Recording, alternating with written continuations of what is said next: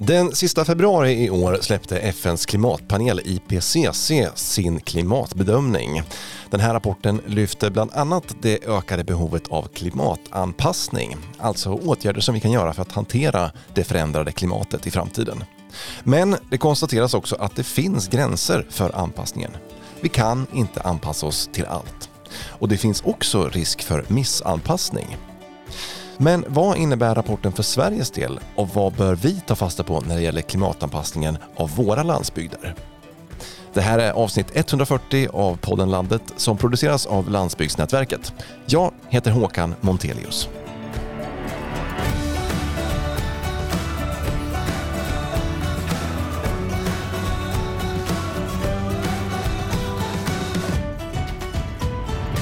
Ja, varmt välkomna till podden Landet. I det här avsnittet så ska vi prata just om IPCCs senaste rapport och vad den innebär för Sveriges landsbygder och glesbygder.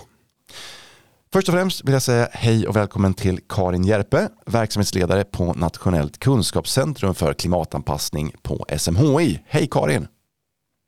Tack så mycket. Hej Håkan!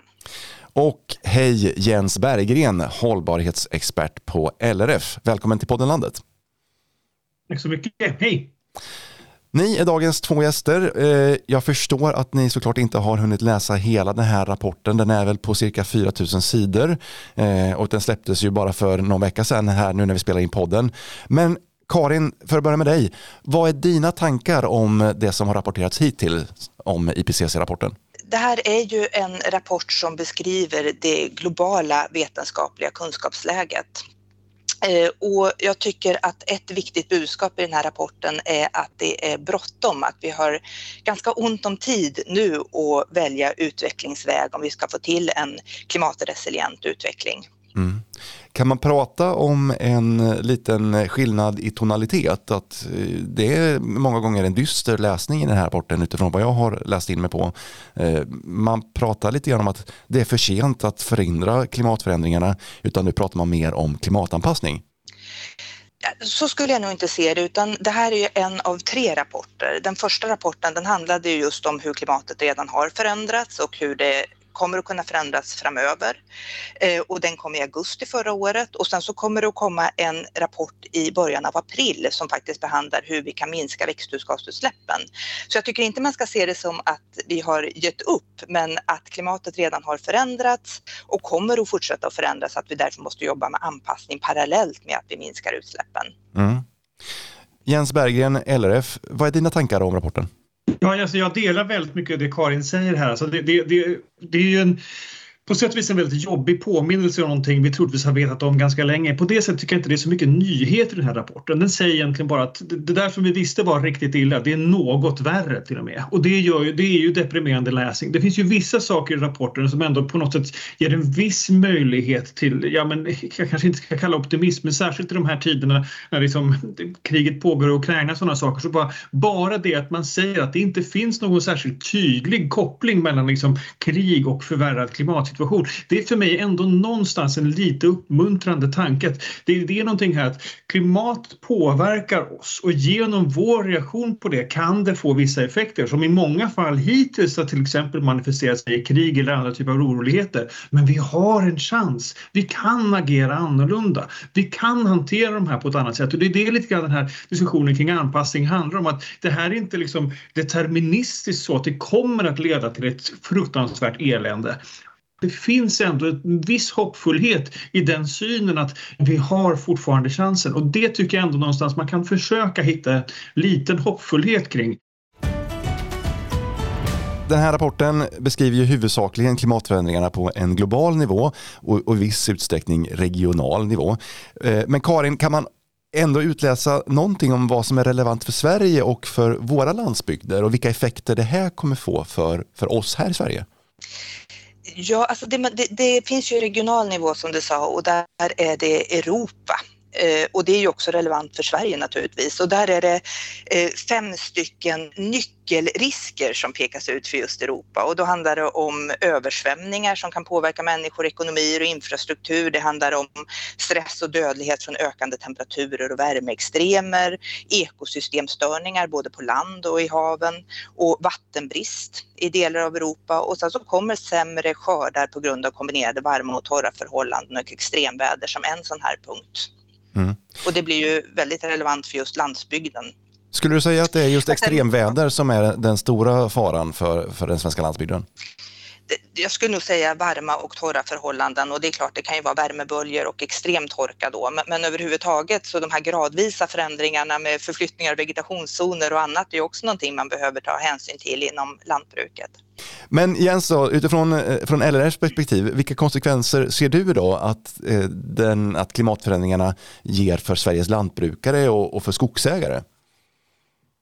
Alltså det där är jätte, jättebra frågor. Den är så fruktansvärt stor så det är svårt att ge någon riktigt bra bild. Men jag delar ju allt det som Karin tar upp. Men utöver de här fysiska riskerna som man har diskuterat där man ser liksom en, en ökning i temperatur, en ökning i nederbörd eller en andra sätt. De är Utöver dem ska jag säga den riktigt, riktigt stora risken som jag upplever det är en ökning i variationen. Att vi blir mindre vet vad som kommer troligtvis att hända om man får uttrycka sig så. För vi är ju ganska vana vid att leva i att det snöar ungefär på vintern, det smälter på våren, eh, det kan vara lite torrt på vissa delar av landet på eh, början av sommaren och så vidare. Det här har följt liksom ett ganska ja, men konstant mönster ungefär under de senaste cirka 10 000 åren, den liksom tidsepok som kallas holocen. Och vi har anpassat våra brukningsmetoder. Landskapet ser ut så som det gör på grund av den här påverkan påverkan. Insekter beter sig så som de gör, fåglar. Allt är liksom en del i detta. Och nu förändras det och det här som har varit så att säga, lagom, där både växtlighet, bönder, skogsägare trivs, det blir allt mindre av det och mer av de här extremerna och vi vet inte när de kommer. Så det där tror jag kanske är den stora, stora utmaningen att faktiskt få folk, våra lantbrukare, våra skogsägare att våga satsa även under knepigare eh, liksom, förhållanden. Hur ska man då tänka som lantbrukare för att klimatanpassa sin verksamhet? Eh, måste man lägga lägga mer pengar just för att täcka upp för alla olika eventualiteter? Det där är en jättebra fråga och en jätteknepig sak. Därför att som sagt, det kan ju både bli blötare och torrare och under samma år. Och hur ska du då göra? Ska du satsa både på dränering och bevattning? Vad kan man göra i de här sammanhangen? Och där tror jag att det är väldigt, väldigt knepigt att veta. Så jag tror att vi ska nog akta oss för för mycket riskminimering. Vi måste våga satsa. Men det kräver att vi dels har kunniga lantbrukare vet hur de ska hantera detta. Förhoppningsvis också viss, till viss del erfarna lantbrukare som vet hur just min mark fungerar under de här förhållandena. Hur bränder ser ut i min skog. De som har sett det här tidigare har otroligt viktiga kunskaper för det blir mer av det som historiskt sett har varit dåligt om man säger så. Men till exempel ett jätteproblem är ju att vi pratar mycket om precisionsjordbruk. Men precision är mycket svårare när hela så att säga, grunden skakar. Hur kan du veta vad du ska göra rätt? För du, när du inte vet hur så att säga, verkligheten kommer att se ut. Karin, vilka sårbarheter ser du i det svenska samhället och i det svenska lantbruket som du tycker att vi behöver prioritera och jobba med just nu? Ja, inom det svenska lantbruket, det man kan säga är ju som Jens är inne på att den här vattenförsörjningsfrågan är naturligtvis viktig, både mer och mindre vatten. Det är ju någonting som kan påverka mycket och att det kan bli ökad konkurrens om vattnet eh, med andra eh, näringar eller intressen i samhället. Eh, och sen så har vi ju det här med, med skadegörare, sjukdomar och invasiva främmande arter som kan bli väldigt problematiskt framöver. Jens, vad ser du för sårbarheter? Ja, men om man bara betänker den saken nu här på våren att våra flyttfåglar kommer hit beroende på hur vädret eller solen står där nere i Afrika dit de har flyttat medan insekterna här kläcks av den värme som finns just här. Och det här kan ju då bli en enorm obalans om värmen kommer tidigare än vad flyttfåglarna är vana vid och hur det påverkar de här ekosystemtjänsterna man pratar om, det vill säga det som naturen har levererat till oss och hjälpt oss med så att vi får så att säga, en bra balans i, i den kan ju stökas till otroligt av detta och då är frågan hur agerar vi då? Alltså ett svar skulle kunna vara att ja, men vi använder mer av olika typer av eh, ja, men växtskyddsmedel för att hantera detta. Men om det då än, förvärrar ännu mer för de fåglar som faktiskt lyckas komma hit i tiderna så kan det ju skapa ännu större problem. Så här tror jag just det här som Karin är inne på att vi måste tänka stort och brett. Och jag, brukar, jag är ju hållbarhetsexpert och en av mina saker som jag brukar säga att hållbarhet handlar om att hålla väldigt många tankar i huvudet samtidigt. Och det blir extra viktigt nu därför att de här samvariationen mellan alla de saker som samtidigt påverkas av klimatförändringen måste vi liksom kunna ja, men fixas till, liksom, tillsammans. Hur skulle du säga att förutsättningarna för att få till en, en bra eh, klimatanpassning av lantbruket ser ut i Sverige idag? Då? Så den första saken är att klimatförändringen kommer att troligtvis bli mindre allvarlig här än på andra ställen. Det andra är att klimatförändringen hos oss delvis innebär att vi får ett klimat som liknar det som har funnits på andra ställen. På många andra platser så går man liksom utanför det som har funnits tidigare men vi kan liksom kopiera lösningar som man har haft till exempel längre söderut för att kunna hantera de utmaningar som de tidigare haft. Vi kan liksom låna växtmaterial och annat från vad vet jag, norra Tyskland eller Holland och kunna använda det här. Medan de kanske måste utveckla någonting helt nytt. Och sen en sista sak är att vi har ju, och det är både en fördel och en nackdel, oftast väldigt erfarna lantbrukare. De har varit med ett långt tag. De har mött många somrar och odlingssäsonger och torra vårar och sådana saker. Så de har en erfarenhet av att kunna hantera det här. Utmaningen där är ju väldigt mycket att få in de unga och kunna föra över den här kunskapen på nästa generation. Och där är jag väl inte lika optimistisk just idag, men jag tror att den förändringen kommer också. Mm. Karin, vad säger du? Görs det tillräckligt i Sverige vad det gäller klimatanpassning av lantbruket? Nej, det, det, visar ju både IPCC-rapporten i ett globalt perspektiv att den anpassning som har genomförts har kanske delvis minskat konsekvenserna av klimatförändringarna men det finns fortfarande ett stort glapp mellan det behov som man ser och den anpassning som har genomförts. Och om vi då går till Sverige så har expertrådet dragit motsvarande, nationella expertrådet för klimatanpassning har dragit motsvarande slutsatser att arbetet går för långsamt, det behöver göras mer. Mm. Så vad behöver göras mer? Ja, vad mer behöver göras? Ja, här har ju eh, det nationella expertrådet för klimatanpassning bland annat eh, beskrivit att eh, att eh, om, vi, om vi tittar specifikt på landsbygden, att översvämningar är ganska väl kartlagda i städer och urbana miljöer men däremot inte i samma utsträckning på landsbygden och att det behövs mer kartläggningar av den typen. Att kommunernas roll som kunskapsöverförare till allmänheten behöver öka eh, och att Eh, naturbaserade åtgärder eh, förordas i större utsträckning.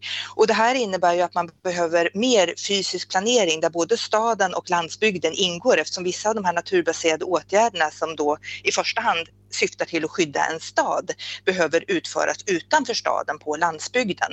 Och det här gör att det behövs en tydligare koppling mellan stad och landsbygd och eh, den gemensamma planeringen. Mm. Men jag tror generellt att vi, vi har varit ganska duktiga på, som vi var inne på tidigare, de här små åtgärderna för att åtgärda enskilda problem. Men däremot det här tänket kring transformation, vad vill vi uppnå? Hur får vi ett resilient samhälle som kan möta klimatförändringar? Och vad behöver vi då för att ta för några delsteg för att nå dit? Eh, till ett samhälle som både är rättvist och socialt och ekonomiskt och ekologiskt eh, hållbart. Där, där tror jag vi har en del kvar att göra. Finns det en risk att, att vi gör fel anpassningar som kanske kan förvärra situationen istället för att förbättra den? Ja, absolut, det gör det. Och det är ju någonting som man också lyfter i den här IPCC-rapporten, att det man kallar missanpassning, att det finns tydliga tecken på det. Mm. Kan du ge ett exempel? Och det finns risker. Ja, alltså man kan ju tänka att, att en ökad vattenanvändning för att möta torka, ökad bevattning skulle kunna påverka livsmiljön för, för vattenlevande arter. Mm. Jens, vad ser du för risker att vi gör fel anpassningar i, idag? Men jag tror att de är väldigt många och jag tror att det bland annat bygger på att vi, vi måste liksom tänka lite längre fram. Jag, många människor jag upplever diskuterar klimatanpassning utifrån den situation vi har idag och hur ska vi liksom göra nu. Men jag tror att vi liksom måste kasta fram den där tanken och hur ser det där framtida samhället som funkar ut? Och jag, jag, jag kan inte komma någon annanstans. Att vi, när man pratar om hållbarhet så, så det är svårt att säga exakt vad som kommer att vara hållbart i en framtid som är okänd. Men vad vi vet är vad som inte är hållbart och det är att förbruka liksom fossiler och ändliga material. Det kan inte enligt någon definition vara hållbart. Så det måste vi sluta med.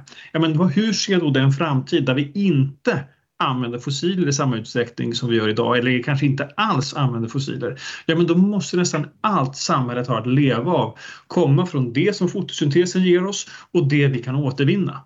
Och i det samhället, då är liksom både jordbruksmark och skogsmarken som liksom möjliggör den här fotosyntesen otroligt viktiga liksom, ja, men, produktionsresurser. Det är de som är liksom framtidens man får säga, oljeshejker eller vad man ska kalla dem. Mm. Men också de personer som har förmågan att omvandla mark till mat och material är ju jätteviktiga. Och då måste vi börja planera utifrån den synvinkeln. Det handlar inte så mycket som jag tror jag känner idag att man pratar väldigt mycket om att ta bort det som är dåligt. Och det tror jag det är säkert en viktig sak, men det är mycket lättare att bryta ner. Den svårare utmaningen ni har är att lyfta fram det som är bra, det som kan bli den stabila basen för vår samhällsekonomi i framtiden. Och det görs det för lite av. Mm. Det är ju många som känner, känner mycket klimatångest över vart utvecklingen är på väg och man känner stark oro, inte minst när man läser eh, en sån här rapport. Vad skulle ni säga att, att man kan göra som enskild individ? Ibland så känner man sig väldigt maktlös över att det här är en så stor fråga eh, som berör, det är en global fråga eh, och att jag som enskild människa inte kan göra så mycket. Vad, vad skulle ni säga att man kan göra på individnivå? Karin? Ja, på individnivå, är man, eh, är man, eh, har man sån tur så att man är fastighetsägare så kan man ju se till att klimatsäkra sin egen fastighet.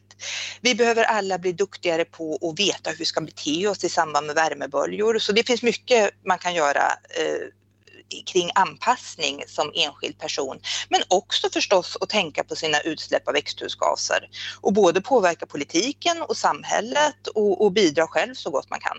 Så jag, jag, vill absolut inte att man ska känna sig handlingsförlamad utan tvärtom så har vi fortfarande all möjlighet att påverka vår framtid. Dels genom att styra in oss på vilket klimat vi vill ha, genom att minska våra utsläpp kraftigt, det är fortfarande fullt möjligt, men också anpassa oss till det klimat som vi vet ska komma i framtiden. Och både den här IPCC-rapporten och, och rådets rapport och annat som vi pratar om, det är precis det här som Jens pratar om, att vi ska få ett hållbart samhälle på alla plan. Ett hållbart samhälle som också funkar i ett förändrat klimat. Så vi ska se framför oss att vi har möjlighet att få det bättre på alla sätt. Mm. Och Jens, vad säger du då om man är aktiv inom lantbruket som företagare eller att man bor på landsbygden och om man skulle vilja ha råd och idéer på hur man kan själv arbeta för att eh, bidra till ökad klimatanpassning och, och minska sårbarheten i samhället. Vad ska man göra då? Det är jättesvårt att komma med några generella saker. Det, det, det är också en sån här viktig sak som jag tror vi måste förmedla till resten av världen att allt detta är ju lokalt. Så vad som passar, alla lantbrukare, alla skogsägare är ju världsmästare på just sin mark. Det är de som kan den här bäst. Så det gör det lite svårt. En annan sak som gör det lite svårt är att faktiskt på många områden så ligger man, liksom det svenska lantbruket väldigt långt fram i sina, hur, de, hur de agerar på det här området. Så därför går det liksom inte att ta någon sån här generell sak. Men alltså typexempel är ju ofta, ja, men kan du öka mullhalten i din jord så är det väldigt bra. Det pratas ju mycket om det här med kolinlagring som en utsläppningsminskningsåtgärd men det är också en otroligt viktig anpassningsåtgärd för en, en jord med högre mullhalt har lättare att hantera att eh, torka eh, inte för mycket vatten och sådana saker. Så det är liksom ett exempel. Men, men jag tror också att man, man, till exempel som skogsägare behöver titta mer på hur kan man liksom ha en högre lövinblandning för att minska risker för liksom både bränder men också skapa fler livsmiljöer som kan fungera. Men, men allt det här tror jag är sånt som man ofta gör. Jag, jag tänker att eh, i många, många fall så, så handlar det om att eh, tänka kanske efter en gång extra i, i, sina beslut kring sin verksamhet. Och jag tror också att man ska liksom faktiskt, jag tror den viktigaste saken för kanske för världen, inte bara för folk på landsbygden, men det är att försöka undvika den enorma tendens som jag upplevt kring polarisering kring de här frågorna. För det är någonting vi behöver i den här situationen vi befinner oss i, är att sluta bråka med varandra. Liksom försöka hitta gemensamma delar där vi kan komma vidare tillsammans. För ingen kommer att klara av detta för sig. Jag får många gånger frågan hur ska landsbygden göra för att lösa sina klimatproblem? Alltså, det, mm. Nej, det mm. handlar inte om det. Hur ska vi göra för att lösa våra? Och det måste vi göra tillsammans. Men om man vill ha tips och råd och hjälp för att jobba mer för en ökad klimatanpassning, vart kan man vända sig då? Har ni några bra tips här avslutningsvis? Ja, men jag vill göra lite reklam för vår webbplats klimatanpassning.se. Det är en portal för kunskap om klimatanpassning och det är många myndigheter som är avsändare för det, så där finns uppdaterad och aktuell information samlad. Så det tycker jag kan vara en första väg in i varje fall och sen så kan man leta sig vidare därifrån. Jättebra tips. Jens, har du några bra tips? Ja, jag tror att alla våra rådgivare, Greppa näringen och andra har oftast liksom börjat agera i den här riktningen redan nu. Men, men många svårigheter där är ju att det är en sak vad du kan göra säga, på ditt eget lantbruk om du är jordbrukare och skogsbrukare. En annan sak hur liksom samhället i övrigt förändras. Alltså vilken efterfrågan kommer det finnas på vilka produkter framöver och hur ska de...